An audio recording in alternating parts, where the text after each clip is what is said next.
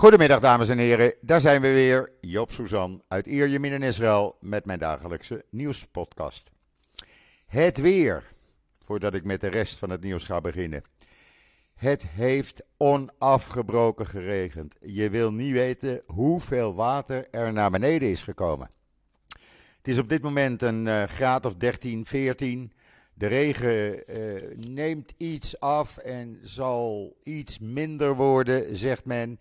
En morgen zou het dan overwegend droog moeten zijn. We zullen het zien, we wachten het af. Ondertussen is de eerste sneeuw aan het vallen op de berg Hermon. Dus binnenkort kan men skiën. Betekent dat de winter er is. En ja, een ander, een ander teken dat de winter er is. Ik heb mijn elektrische straalkacheltje maar aangezet. Niet te hoog, want stroom kost uh, goud geld. Maar toch om het net iets warm te hebben. En een dikke trui aan. En dan uh, COVID. Het blijft stijgen. Het is niet normaal, maar het blijft stijgen. Het uh, aantal mensen wat uh, gisteren getest is, was 9886. 1170 van hen met het virus besmet. Dat is een percentage van 11,8 procent. Totaal zijn er nu 11.555 mensen met het virus besmet. En het aantal patiënten in de ziekenhuizen loopt op. Er liggen nu 162 mensen in de ziekenhuizen, waarvan er 56 in kritieke toestand verkeren, 51 van hen aangesloten aan beademing. En het dodental is gestegen naar 11.995.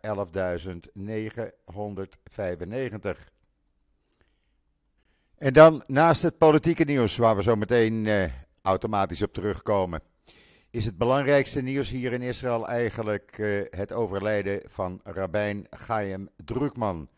De geestelijk leider van het politiek-religieuze Zionisme is gisteren uh, aan corona overleden op 90-jarige leeftijd.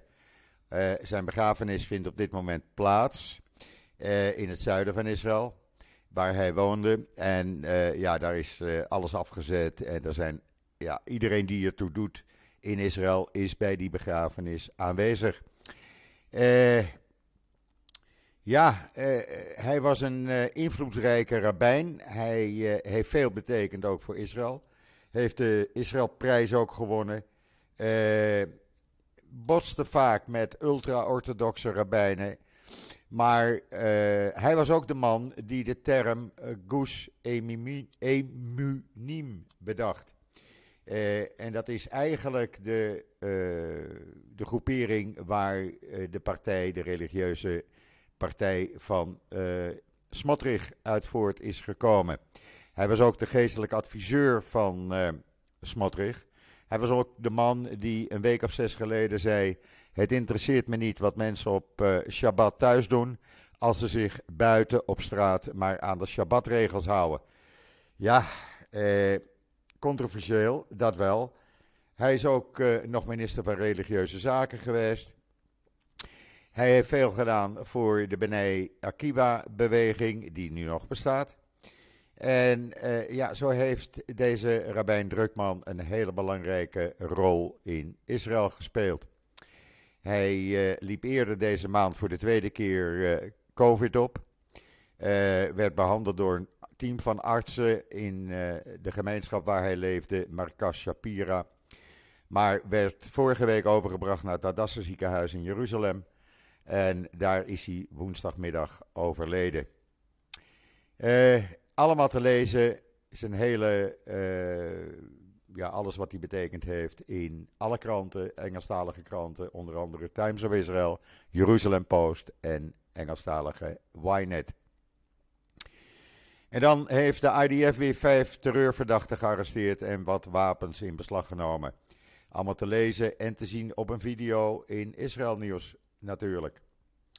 En eh, dan hebben we het verhaal van de luchtmacht. Die moet 11 F-35 Adir uh, vliegtuigen aan de grond houden op uh, aanbeveling van Amerika. Daar is een uh, toestel neergestort.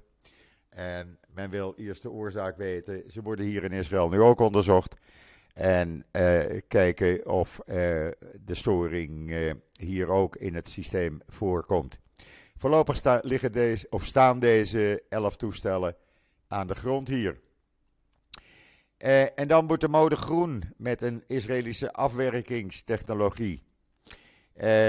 Ja, in Nederland wil men graag alles milieuvriendelijk. Nou, dat kan met het bedrijf, met het, de revolutie die het bedrijf Bruckner Textile Technologies in Israël heeft uitgevonden samen met Sonovia. Het is een nieuwe technologie. Die gebruikt veel minder water en energie dan de traditionele processen, waardoor er veel minder vervuilende emissies optreden. Uh, allemaal te lezen in israelnieuws.nl. Het wordt trouwens al volop gebruikt hier in Israël. En dan was mijn broer Simon Susan zo vriendelijk om weer een nieuwe column te maken. En ik vind het een aanrader. En het gaat dit keer eigenlijk niet over Israël, maar over ene mevrouw Sigrid Kaag. Eh, lees het artikel maar, lees de column maar. Want hij heeft er weer een pareltje van gemaakt. En dan is een Israëlisch bedrijf uitgeroepen tot eh, AWS Global Security Partner voor dit jaar 2022. Orca Security, opgericht in 2019.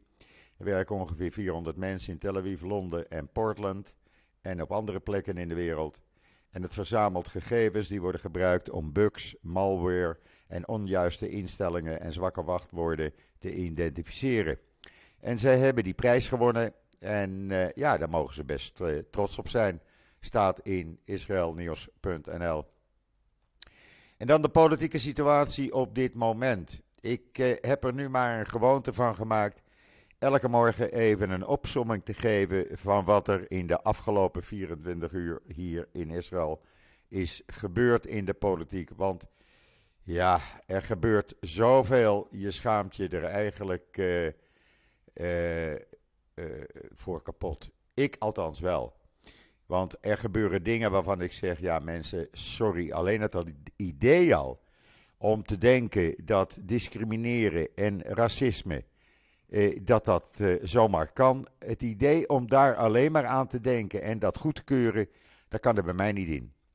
Maar goed, we hebben gisteren natuurlijk gehad dat eh, mevrouw Orit Strok, extreemrechts uh, Knessetlid van de partij van Smotrich, uh, zei dat een uh, dokter niet gedwongen mag worden om een behandeling te geven die in tegenspraak zou zijn met zijn religieuze overtuigingen, zolang er andere doktoren zijn die diezelfde dienst kunnen verlenen.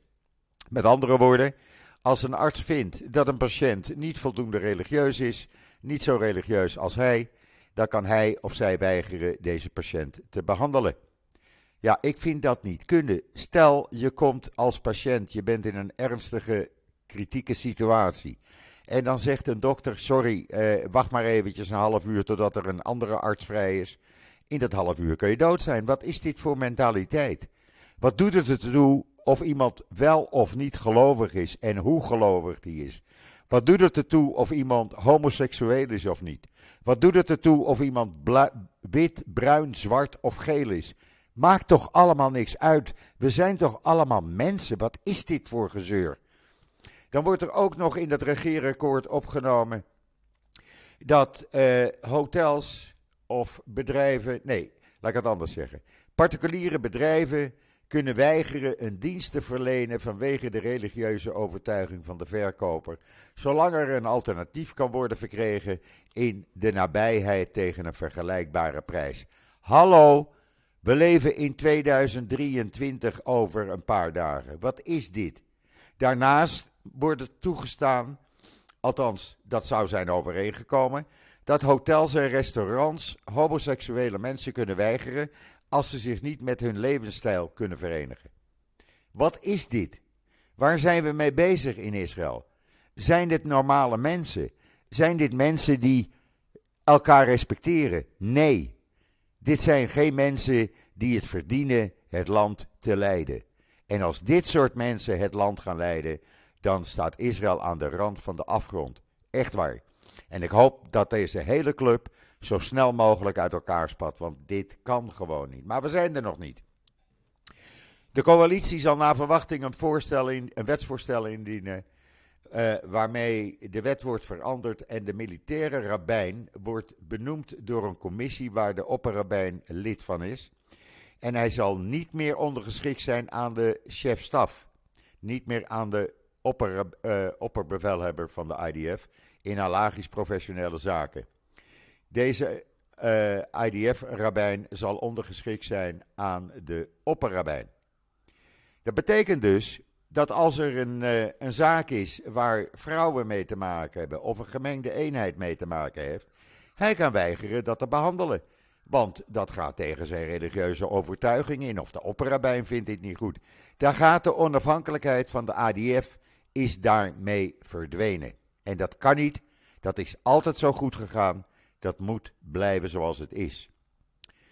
Eh, want je kan bijvoorbeeld, uh, de vraag die hieruit voorkomt, is of een religieuze soldaat bijvoorbeeld een bevel om samen met een vrouw in een gevechtsbataljon te dienen, kan weigeren en zich dan beroept op de positie van de militaire opperrabijn, die hem daarin steunt. Want ja, dat mag dus niet. Nou, ik vind dit, uh, ik vind dit vreselijk. En dan, uh, waar ik echt van geschrokken van ben, op aandringen van Smotrich is Netanyahu ermee akkoord gegaan, althans de Likud, maar dat is Netanyahu, uh, om de conventie van Israël de conventie van Istanbul niet te ondertekenen. Lapid stond op het punt dat wel te doen. De conventie van Istanbul is een internationaal verdrag dat bedoeld is om geweld tegen vrouwen te bestrijden. Israël gaat dit dus niet ondertekenen. En waarom niet? Omdat minister Smotrich bezorgd is over een clausule in het verdrag waarin staat dat een land politiek asiel zou moeten verlenen aan vrouwen die mishandeld zijn. Hij voelt daar weinig voor, omdat dat ook zou betekenen dat niet-Joodse vrouwen dan politiek asiel moeten krijgen. Kom op zeg! Wat is dit voor gedrag? Ik begrijp dit niet. Ik kan daar niet bij, mensen. Ik ben daar pissig over. En ik word daar door alle kanten, op alle kanten door aangevallen. Er zijn een zat Netanyahu-aanhangers die mij maar een, eh, een linkse opruier vinden die het mij uh, van alles en nog wat toewensen. Ze doen maar. Dit druist tegen mijn gevoelens in. En niet alleen tegen mijn gevoelens. Want president Herzog heeft gisteravond Netanyahu gebeld. om zijn bezorgdheid, te uiten over uh, de discriminerende en racistische voorstellen in het coalitieakkoord. Hij, uh, hij heeft er bij Netanyahu op aangedrongen dit te voorkomen. En hij heeft tegen Netanyahu ook gezegd, president Herzog, dat hij zich met alle macht zal verzetten tegen discriminatie en racisme. Eh, tegen mensen die eh, er geen orthodoxe levenswijze op, op nahouden of homoseksueel zijn. Want, zegt Herzog, een situatie waarin burgers in Israël zich bedreigd voelen vanwege hun identiteit of overtuiging ondermijnt de fundamentele democratische waarden van de staat Israël. Dat zei president Herzog en ik sluit me daar 100% op aan. Ondertussen is de Likud ook akkoord gegaan met het veranderen van de wet die nu uh, uh, eigenlijk verbiedt dat racisten, dat racisten in de Knesset kunnen plaatsnemen. Nou is dat prima om die wet aan te passen. Maar ik weet hoe het in Israël gaat. Op het moment dat een wet uh, even wordt opgeheven omdat die wordt aangepast, dan zijn we jaren verder voordat die is aangepast. In die tussentijd kunnen dus gewoon racisten in de Knesset plaatsnemen. En dat moeten we voorkomen. Daar moeten we met z'n allen uit alle macht tegen vechten. Israël, dit prachtige land, Israël, dit land met die prachtige mensen, kan niet afzakken naar een derde, vierde, vijfde rang staat. Waar is men in vredesnaam mee bezig? En alleen maar om Netanyahu uit de lik te houden. En nou, nou ik het toch daarover heb, zijn zoontje kwam gisteren naar buiten het nieuws, heeft in een radio-interview gezegd dat iedereen die betrokken was of is bij de vervolging van zijn vader en bij de strafrecht tegen zijn vader, voor het gerecht zou moeten worden gebracht en dan geen gevangenisstraf moet krijgen. Nee, ze moeten de doodstraf krijgen. Hoe vind je die? Dat zegt Netanyahu junior. Dit is de mentaliteit waar we mee te maken hebben. Ik begrijp dit niet. En dan kan ik me best begrijpen dat Netanyahu voor de vierde keer eh, probeert zijn zoon te eh, eh, verontschuldigen. En dat hij zegt van ja, ik sta daar helemaal niet achter. En ik, wat mijn zoon doet, daar kan ik me niet in vinden. Maar hij veroordeelt hem niet. En dat is toch een verschil. Je kan wel zeggen, ik ben het niet met mijn zoon zijn uitspraken eens. Maar veroordeel hem dan. Zeg hem dan wat je van hem denkt. Nee, dat doet hij niet. En dat is dan wel weer opvallend, vind ik dan. En dan tikt de tijd. De Knesset was van plan vandaag allerlei uh, wetten in stemming te nemen. Die uh, van kracht moeten worden voordat de regering geïnstalleerd kan worden. Maar uh, nu zit de halve Knesset, of meer dan de halve Knesset, is op die begrafenis van die rabbijn Drukman. Dus ja, wordt er weer een, een dag verloren gegaan eigenlijk.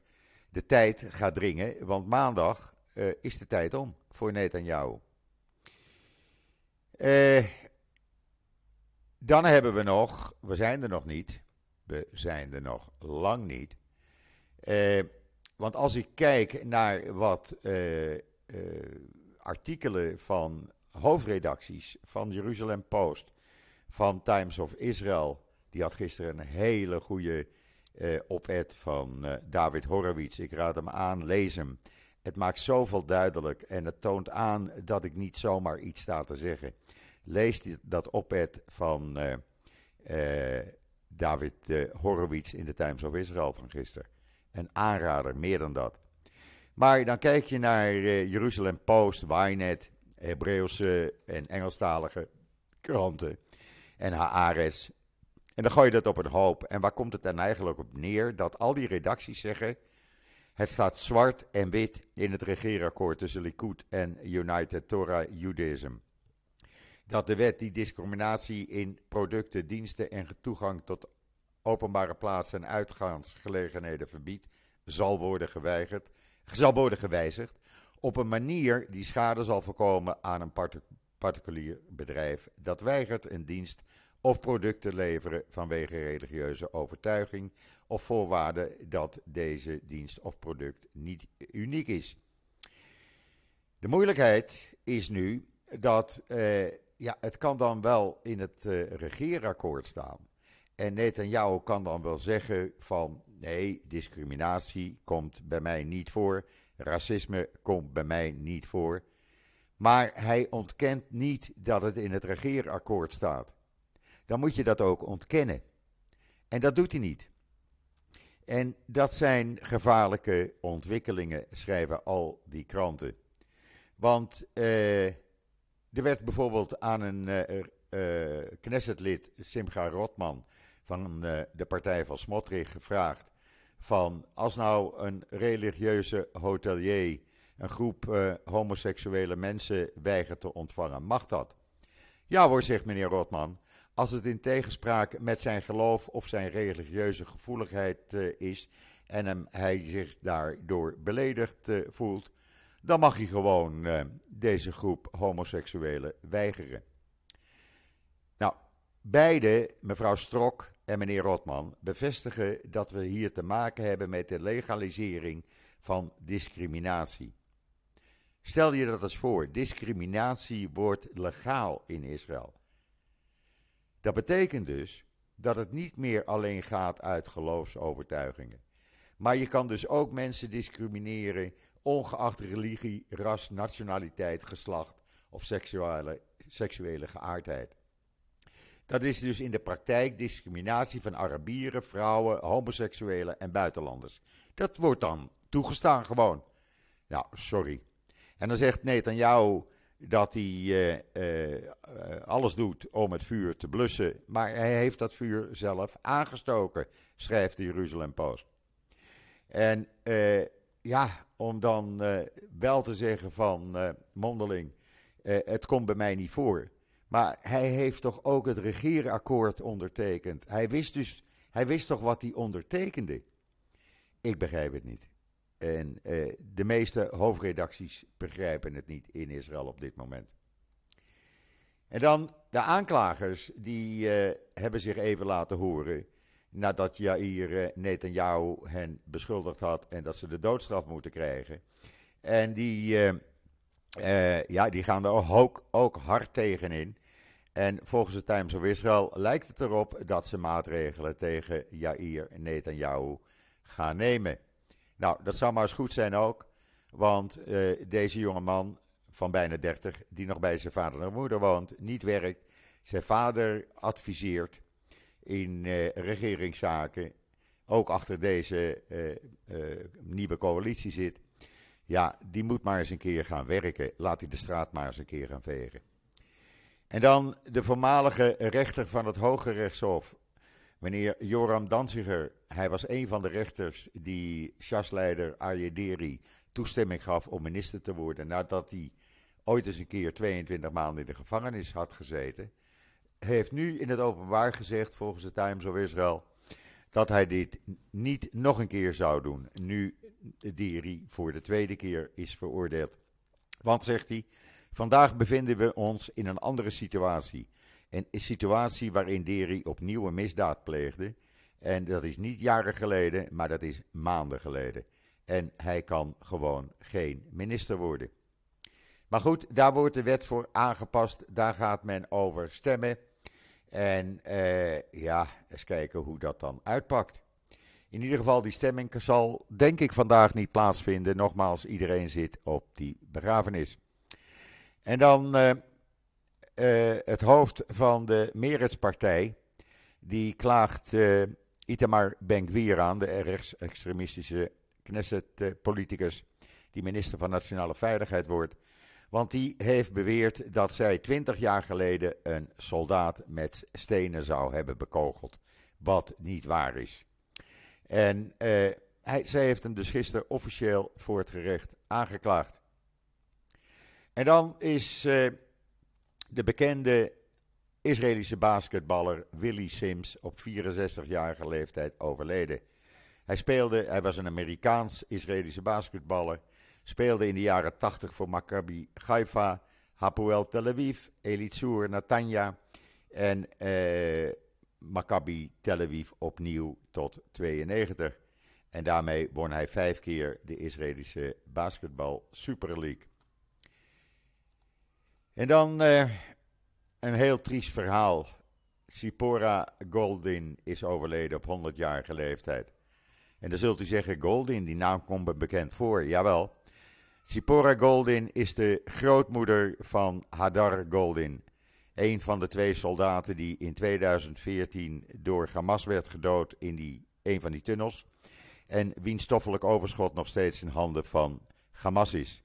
Zij heeft dus nooit meer haar kleinzoon kunnen zien, laat staan haar kleinzoon kunnen begraven. Uh, ik leef mee met deze familie, die al zoveel te lijden heeft. En we moeten allemaal met deze familie meeleven, zou ik zeggen. Het staat in de Engelstalige Wynet. Studiefamilie een berichtje op social media, familie Goldin. Ze verdienen het, echt waar. En dan heeft er afgelopen nacht een enorm ongeluk plaatsgevonden in, uh, uh, op Route 6, de Tolrenweg. Ja, ik, uh, omdat ik luister naar Radio 2, de top 2000, hoorde ik dat er ook in Rotterdam ernstige ongelukken hebben plaatsgevonden. Hier zijn twee teenagers gedood en in totaal 21 mensen gewond, waarvan vier zwaar. Bij twee ongevallen vlak bij elkaar, vlak kort na elkaar op dezelfde Route 6. Staat allemaal in uh, de Engelstalige Times of Israel. En dan krijgen we voor de tweede keer in uh, drie jaar een nieuwe digitale bank erbij. Pa Palo Alto uh, heet de nieuwe digitale bank. De Bank van Israël heeft daar een voorwaardelijke vergunning voor verleend. En hij wordt geleid door Neer Zoek, een Amerikaans-Israëlische oprichter van het bekende cyberbeveiligingsbedrijf Palo Alto Networks. Heel bijzonder en eens kijken of die bank uh, het gaat redden. En dan hebben we nog niet genoeg koffieshops hier. Dus we krijgen de Engelse koffieketen Pret Amanger in Israël. Uh, ik ken hem niet, maar hij schijnt heel beroemd te zijn. Hij komt uit Engeland, heeft uh, heel veel cafés daar. En het bedrijf Fox Wixel, wat ook achter de Fox modesketen zit, die brengt dat, deze koffieketen naar Israël. Nou, weer een plek erbij om koffie te drinken in ieder geval, want dat is toch een nationale sport in Israël. En dan het Noorse investerings, staatsinvesteringsfonds heeft besloten zich terug te trekken uit bedrijven, Israëlische bedrijven en andere bedrijven die actief zijn in de nederzettingen op de Westbank. Uh, dat leidt tot grote bezorgdheid bij politieke en economische beleidsmakers. Want het is een van de grootste uh, fondsen in de wereld.